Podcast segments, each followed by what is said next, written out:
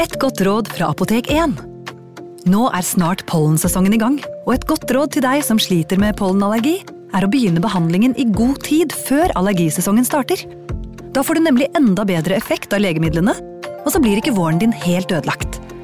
Kom innom og få råd på ditt nærmeste Apotek 1, eller chat med oss på apotek1.no.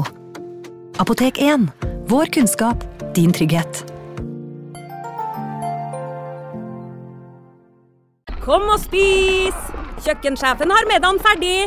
Vi kommer! Vi skal bare Åh, det er da så morsomt her på Stiklestad! Ja, men sjøl en god viking må ha både mat og hvile. Og dessuten kan dere nå være noen dager. Velkommen til Scandic Stiklestad. Moderne fasiliteter i historiske omgivelser. Det var her det skjedde. Det er her det skjer.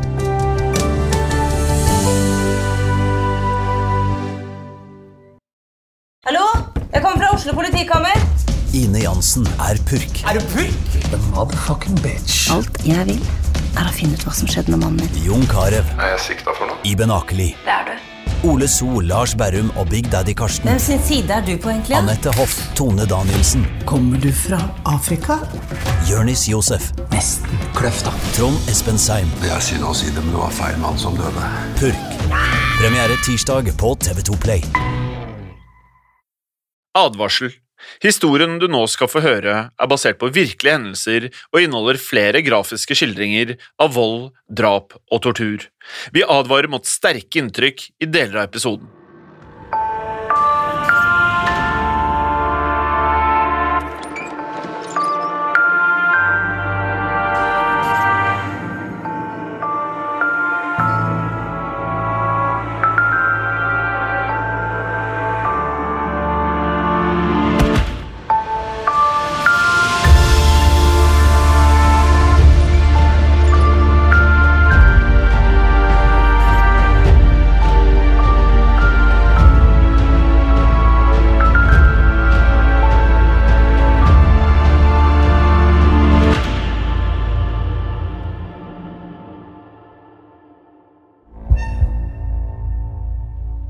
Harvey Glatman hadde alltid følt seg annerledes. Han ble født den 10. desember 1927 i Bronx i New York, men Harvey skulle tilbringe mesteparten av oppveksten i Denver. Allerede fra ung alder gjorde han ting som foreldrene beskrev som merkelige. Da han var fire år gammel, kom moren hans inn på Harveys rom og ble forskrekket av hva hun så. Harvey hadde bundet en snor rundt penisen og knyttet den andre enden til en kommodeskuff. Han lente seg deretter bakover og nøt tilsynelatende følelsen av at snoren strammet rundt kjønnsorganet. Isolert sett kunne kanskje dette vært et tilfelle av et nysgjerrig barn som utforsket sin egen kropp, men for Harvey skulle dette utvikle seg til en farlig lek med sadomasochisme. På skolen ble Harvey ertet for sine utestående ører og store, fremtredende fortenner. Han følte seg utenfor og var særlig redd for å snakke med jenter. Harvey ble ikke bare nervøs, bare tanken på å flørte fylte han med en ekstrem angst. Etter hvert begynte han å holde seg unna alle sosiale aktiviteter. Harvey trivdes bedre for seg selv, og aller helst isolert på sitt eget rom. Her eksperimenterte han stadig med nye måter å tilfredsstille seg selv på. Han var fremdeles fascinert av tau og binding, og særlig tanken på å kveles. Fra en svært tidlig alder hadde han begynt å feste et tau rundt halsen mens han onanerte. Han innså at å kvele seg selv på denne måten ledet til svært intense orgasmer. Da Harvey var tolv år gammel, ble han nok en gang tatt på fersken av foreldrene midt i en av disse seansene. Foreldrene var nå svært bekymret for den unge gutten. De likte ikke det de så på som pervers atferd, men var også redde for at han skulle skade seg. Harvey fikk gode karakterer, men det anstrengte forholdet til jenter gjorde likevel skolen utfordrende. Da han entret tenårene, skulle selvtilliten igjen bli satt på prøve. Han slet nemlig med kviser og uren hud og følte at han aldri ville få seg en kjæreste. Ettersom han fremdeles ikke hadde noe hell i kjærligheten, begynte Harvey å søke spenning på andre arenaer. Som vanlig var det på helt andre måter enn vanlige tenåringer. Harvey likte nemlig å bryte seg inn i hjemmene til fremmede mennesker. Formålet med dette var riktignok ikke bare å stjele med seg penger eller verdisaker, Harvey tente rett og slett på følelsen av å være i andre sine hjem. Det skulle likevel ikke ta lang tid før også dette eskalerte. Harvey hadde alltid med seg tau, og hadde også stjålet med seg en pistol fra et tidligere innbrudd. En natt han var ute og spaserte, fikk han øye på en kvinne. Han bestemte seg for å følge etter henne, og så på da hun gikk inn i huset sitt. Denne kvelden klarte ikke lenger Harvey å kontrollere impulsene. Han bestemte seg for å bryte seg inn i huset hennes, for så å tvinge kvinnen med seg inn på badet. Her bandt og kneblet han henne mens han truet henne med pistolen. For første gang i livet følte Harvey at han var i kontroll. Han ble ikke nervøs og innså at han kunne gjøre hva enn han ønsket med den hjelpeløse kvinnen.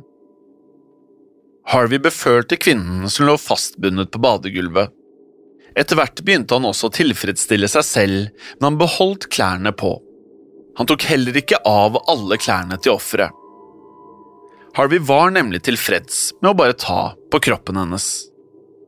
Denne nærkontakten ga Harvey en ny selvtillit som han aldri tidligere hadde følt. Han begynte å følge etter kvinner, for så å bryte seg inn i hjemmene deres. Enn så lenge hadde ikke Harvey noen planer om å drepe eller skade disse kvinnene. Han var fornøyd med å binde og kneble dem, for så å beføle kroppene deres. Snart skulle likevel disse overgrepene få større konsekvenser. I mai 1945 ble Harvey arrestert da han var i ferd med å bryte seg inn i et hus. Da politimennene kroppsvisiterte han, fant de både tauet og pistolen. Harvey innrømmet at han hadde brutt seg inn i flere hjem, men unngikk å nevne husene der han hadde overfalt kvinner. Harvey var bare 17 år, men arrestasjonen var ikke nok til å skremme ham. Så snart moren betalte kausjonen, begynte begjæret og impulsene igjen å ta overhånd. Mens han ventet på å bli stilt for retten, kidnappet han en ny kvinne. Denne gangen bandt han henne, for så å kjøre til et avsidesliggende sted. Da han var tilfredsstilt, slapp han kvinnen løs uten å ha påført henne noen fysiske skader. Kvinnen dro umiddelbart til politistasjonen og fortalte at hun hadde blitt kidnappet og deretter befølt av en ung mann. Så snart hun fikk se bildet av Harvey, var hun overbevist om at dette var mannen som hadde overfalt og misbrukt henne. Harvey ble nok en gang arrestert, og denne gangen ble han holdt i varetekt. Han ble til slutt dømt for innbrudd og kidnapping og endte opp med å sone åtte måneder i fengsel. Så snart Harvey slapp ut igjen, ville moren at han skulle legge den kriminelle aktiviteten bak seg. Han fikk sin egen leilighet i New York og begynte å jobbe som TV-reparatør. Det skulle likevel ikke ta lang tid før Harvey begynte å kjede seg. Han savnet spenningen fra innbruddene og ikke minst den intense gleden han fikk av å binde ofrene sine. Harvey gikk snart til innkjøp av en lekepistol som ved første øyekast så ganske realistisk ut. Han visste at han risikerte å havne i fengsel igjen dersom han ble tatt på fersken med en ekte pistol. Deretter gikk han ut for å jakte med lekepistolen, en kniv og et tau. Rundt midnatten 17. august 1946 var Harvey ute og lette etter sitt neste offer. Snart fikk han øye på Thomas Starrow og Doris Thorne. Han gikk nærmere og begynte å snakke med det unge paret. Etter hvert ble Harvey mer truende og begynte å veive lekepistolen mot ansiktene deres. Vanligvis angrep Harvey enslige kvinner, men denne kvelden følte han seg kanskje ekstra selvsikker. Han truet med seg Thomas og Doris inn i et lite skogholt, hvor han tvang Thomas til å legge seg på bakken før han begynte å binde hendene og føttene hans. Så snart han var ferdig med Thomas, begynte han å konsentrere seg om Doris. Han studerte kroppen hennes for så å kjærtegne brystene. I mellomtiden forsøkte Thomas desperat å lirke seg ut av tauet. Etter mye om og men klarte han å frigjøre én hånd. Han fikk av seg resten av tauet og snek seg forsiktig nærmere Harvey. Thomas grep tak i Harvey og røsket han vekk fra Doris. Midt i basketaket dro Harvey ut en kniv fra lommen og ga Thomas et dypt kutt i skulderen. Thomas tok noen steg unna i påvente av at Harvey skulle angripe igjen. Men Harvey brukte i stedet anledningen til å komme seg unna. Han løp mellom trærne og forsvant snart i nattmørket. Harvey var redd for at han nok en gang skulle bli identifisert og bli sendt tilbake til fengsel. Så snart han var hjemme igjen, pakket han sammen tingene sine og flyttet til en leilighet i en annen del av New York. Heller ikke denne hendelsen var nok til å stanse Harvey. Han forsto riktignok at han kanskje hadde vært litt overmodig da han angrep to mennesker på en gang. Det var tross alt følelsen av å være i kontroll som virket appellerende til ham. Kun tre dager senere skulle han slå til igjen. Denne gangen overfalt han en ung sykepleier ved navn Florence Hayden. Han dro henne med seg inn i en mørk bakgate hvor han forsøkte å binde hendene og føttene hennes. Florence skrek og kjempet for harde livet, og før Harvey fikk kontroll over situasjonen, hadde hun kommet seg unna. Harvey var igjen i ferd med å miste selvtilliten. Neste kveld mislyktes han nok en gang da han forsøkte å kidnappe to kvinner. Han overfalt dem og truet dem med kniven, men var ikke i stand til å binde dem fast. I stedet endte han opp med å rane dem og stikke av med veskene deres. Politiet hadde vært mottatt flere lignende meldinger. Unge kvinner meldte inn at de ble overfalt på åpen gate, og de ga svært sammenfallende beskrivelser av gjerningsmannen. Fremgangsmåten var alltid den samme. Kvinnen hadde blitt overfalt av det som først virket som en raner, men så hadde blitt bundet fast og befølt mens gjerningsmannen tilfredsstilte seg selv. Etterforskerne mistenkte at det var samme mann som sto bak disse angrepene.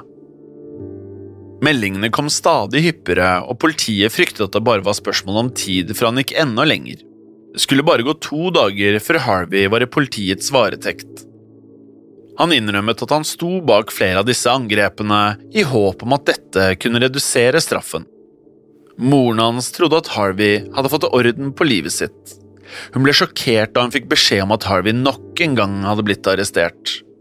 Denne gangen ble han dømt til å sone mellom fem og ti år. Harvey hadde et unikt talent til å manipulere de rundt seg.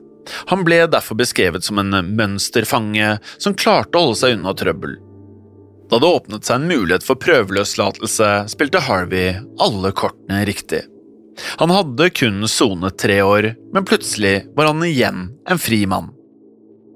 Harvey hadde overbevist alle om at han hadde lært av sine feil, men sannheten var at han fremdeles ble styrt av de samme impulsene. Et av kriteriene for prøveløslatelsen var at Harvey flyttet hjem til moren sin. Hun skulle være hans verge, og Harvey var nødt til å få seg en jobb og melde inn alle aktiviteter. Til tross for at han fremdeles fantaserte om å kidnappe kvinner, klarte Harvey å holde seg i skinnet. Og så, i 1956, kunne han igjen flytte for seg selv. Harvey bestemte seg for å flytte til Los Angeles, antageligvis var det drømmen om vakre jenter som førte han dit og så snart han ankom California, mistet han fullstendig kontrollen. Harvey fortsatte å jobbe som TV-reparatør og fant seg en liten leilighet. Det var riktignok en annen lidenskap som opptok mesteparten av tiden hans. Harvey hadde alltid likt å ta bilder, men det var først nå han innså at han kunne kombinere interessen for foto med begjæret for kvinner. Det var stadig flere unge kvinner som reiste til Los Angeles i håp om å bli filmstjerne. Mange drømte om å bli den neste Marilyn Monroe, men skulle raskt innse at veien til stjernehimmelen ikke var så enkel som det de hadde sett for seg. For å tjene penger mens de ventet på det store gjennombruddet, var det mange som lot seg fotografere både med og uten klær. Harvey innså at disse unge, håpefulle jentene kunne utnyttes. Han hadde gått til innkjøp av kamerautstyr og spart nok penger til å kjøpe seg en bil. I løpet av de neste månedene tok Harvey tusenvis av bilder og begynte å kalle seg for Johnny Glenn. Dette ga Harvey nesten fri tilgang på unge, attraktive kvinner, og de var stort sett ville til å gjøre hva enn han sa så lenge han pekte et kamera mot dem. Likevel følte ikke Harvey seg tilfredsstilt. Han fikk fremdeles ikke utløp for sine mørkeste fantasier. I august 1957 møtte Harvey den unge alenemoren Judith Ann Dull. Hun var bare 19 år, men kjempet for å beholde omsorgsretten for barnet sitt. Judith var desperat etter penger, og Harvey håpet å kunne utnytte dette. Harvey tok kontakt med Judith og spurte om hun var villig til å være med på noe litt annerledes.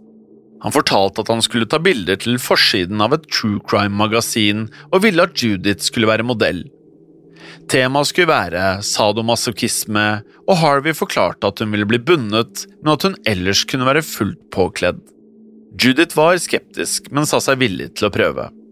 Hun var litt nervøs da hun møtte opp til fotograferingen, men Harvey forsøkte å berolige henne. Da han strammet tauet rundt hendene og føttene hennes, klaget hun over at det var for stramt. Harvey insisterte riktignok på at det var nødt til å være sånn, ellers ville det ikke se troverdig ut. Judith begynte å angre på at hun hadde takket ja, men lot likevel Harvey feste tauene. Da han var ferdig, dro han plutselig en pistol ut av lommen. Han løsnet tauet rundt håndleddene hennes og ba henne om å begynne å kle av seg. Judith var livredd og gjorde som Harvey beordret. Sakte begynte hun å ta av seg klærne, mens Harvey fortsatte å rope ut hvordan han ville at hun skulle posere. Harvey ble stadig mer opphisset, og til slutt klarte han ikke å styre seg lenger. Han kastet seg over Judith og begynte å voldta henne.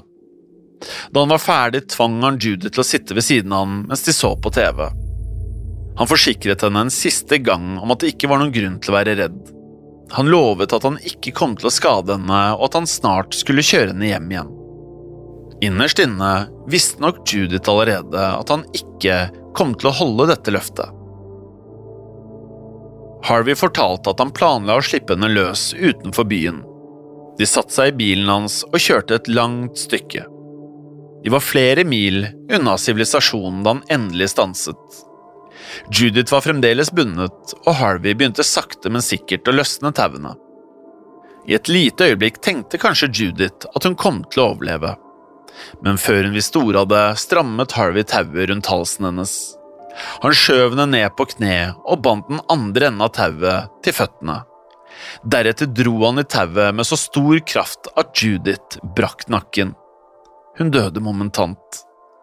Harvey var riktignok ikke ferdig helt ennå. Han fant frem kamera og blitsen og begynte å ta bilder av den livløse kroppen. Han løftet henne opp og flyttet på armer og bein. Harvey tok stor glede i å få henne til å posere for han en siste gang. Så snart de var fremkalt, tapetserte han veggene i leiligheten med bilder av den døde kvinnen. Dette var noe av det mest erotiske og intense Harvey noensinne hadde opplevd.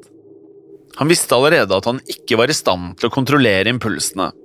Det var bare et spørsmål om tid før han igjen ville drepe. Syv måneder senere fant Harvey sitt neste offer.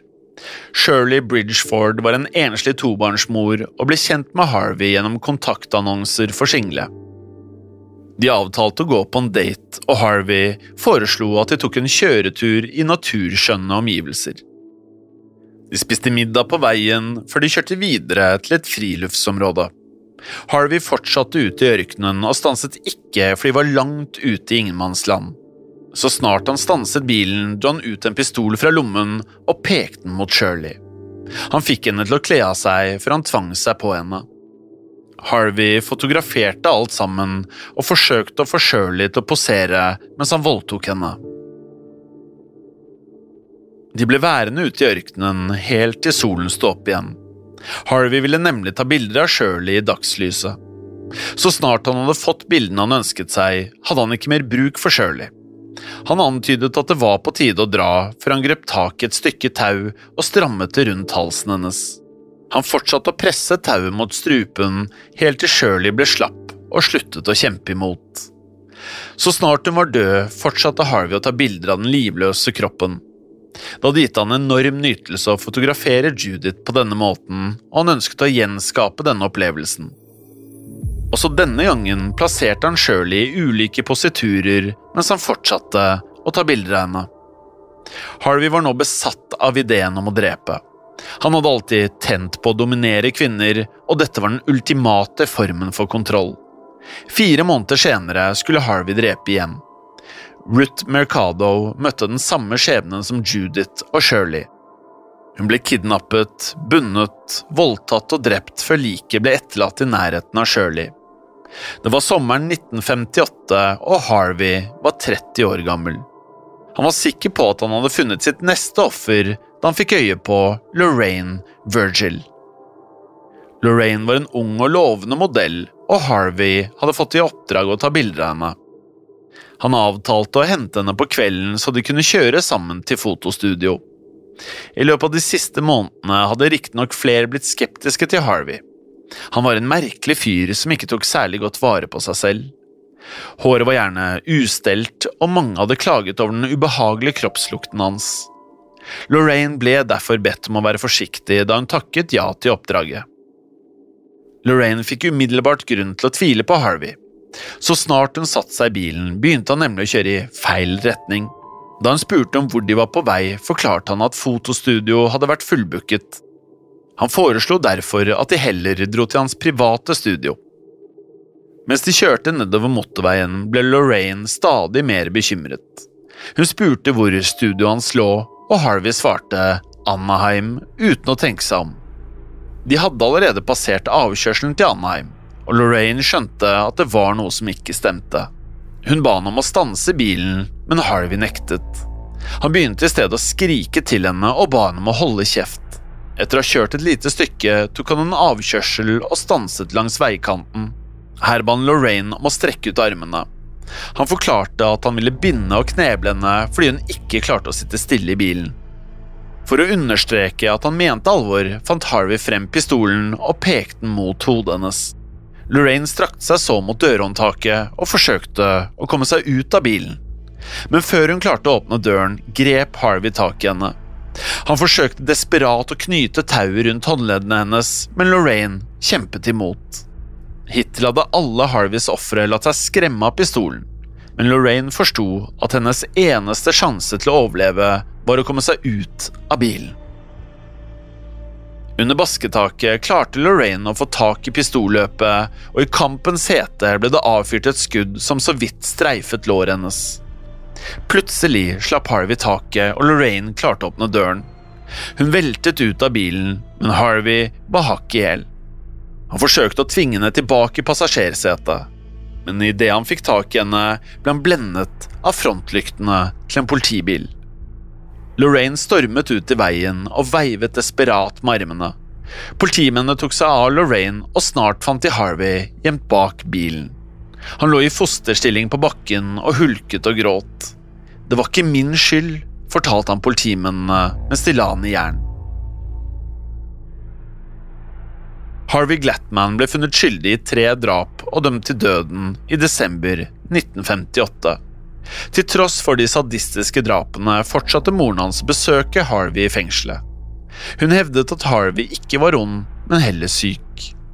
Den 8. september 1959 ble Harvey Glatman ført inn i gasskammeret i San Quentin. Harvey hadde selv gitt uttrykk for at han ønsket å dø fremfor å bli stemplet som sinnssyk. Psykiaterne som analyserte han, mente uansett at Harvey var klar over at det han gjorde, var galt. Til slutt var det begjæret som tok overhånd, og han klarte ikke lenger å holde igjen.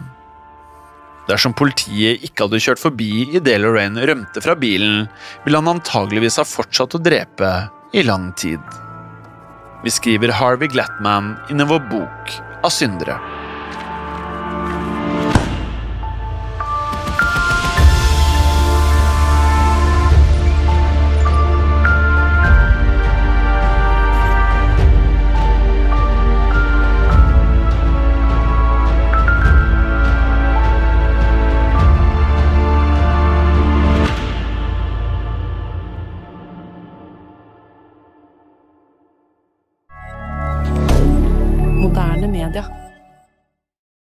Har du et enkeltpersonforetak eller en liten bedrift?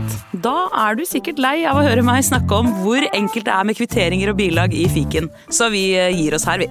Fordi vi liker enkelt. Fiken superenkelt regnskap. Kiwi er billigst i VGs matbørs og har vært billigst i fire av de fem siste VGs matbørser. Og nå presser vi prisene på frukt og grønnsaker. På 200 gram broccolini setter vi prisen til 24,90. På 400 gram Cevita blåbær setter vi prisen til 49,90. Og husk, alle Kiwi Pluss-kunder får i tillegg 15% trumfbonus på all fersk frukt og grønt. For det er vi som er prispresserne. Og vi i Kiwi gir oss aldri på pris.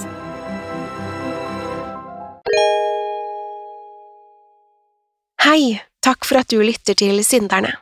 Skulle du ønske at du kunne høre en ny episode av denne podkasten hver eneste uke? Vel, da er det bare å laste ned podkastappen Untold med en gang. I tillegg til ukentlige episoder av podkaster som Skrekkpodden, True Crime-podden og Henrettelsespodden får du masse annet reklamefritt og eksklusivt innhold. Last ned Untold i AppStore eller Google Play, og start din 30 dagers prøveperiode i dag.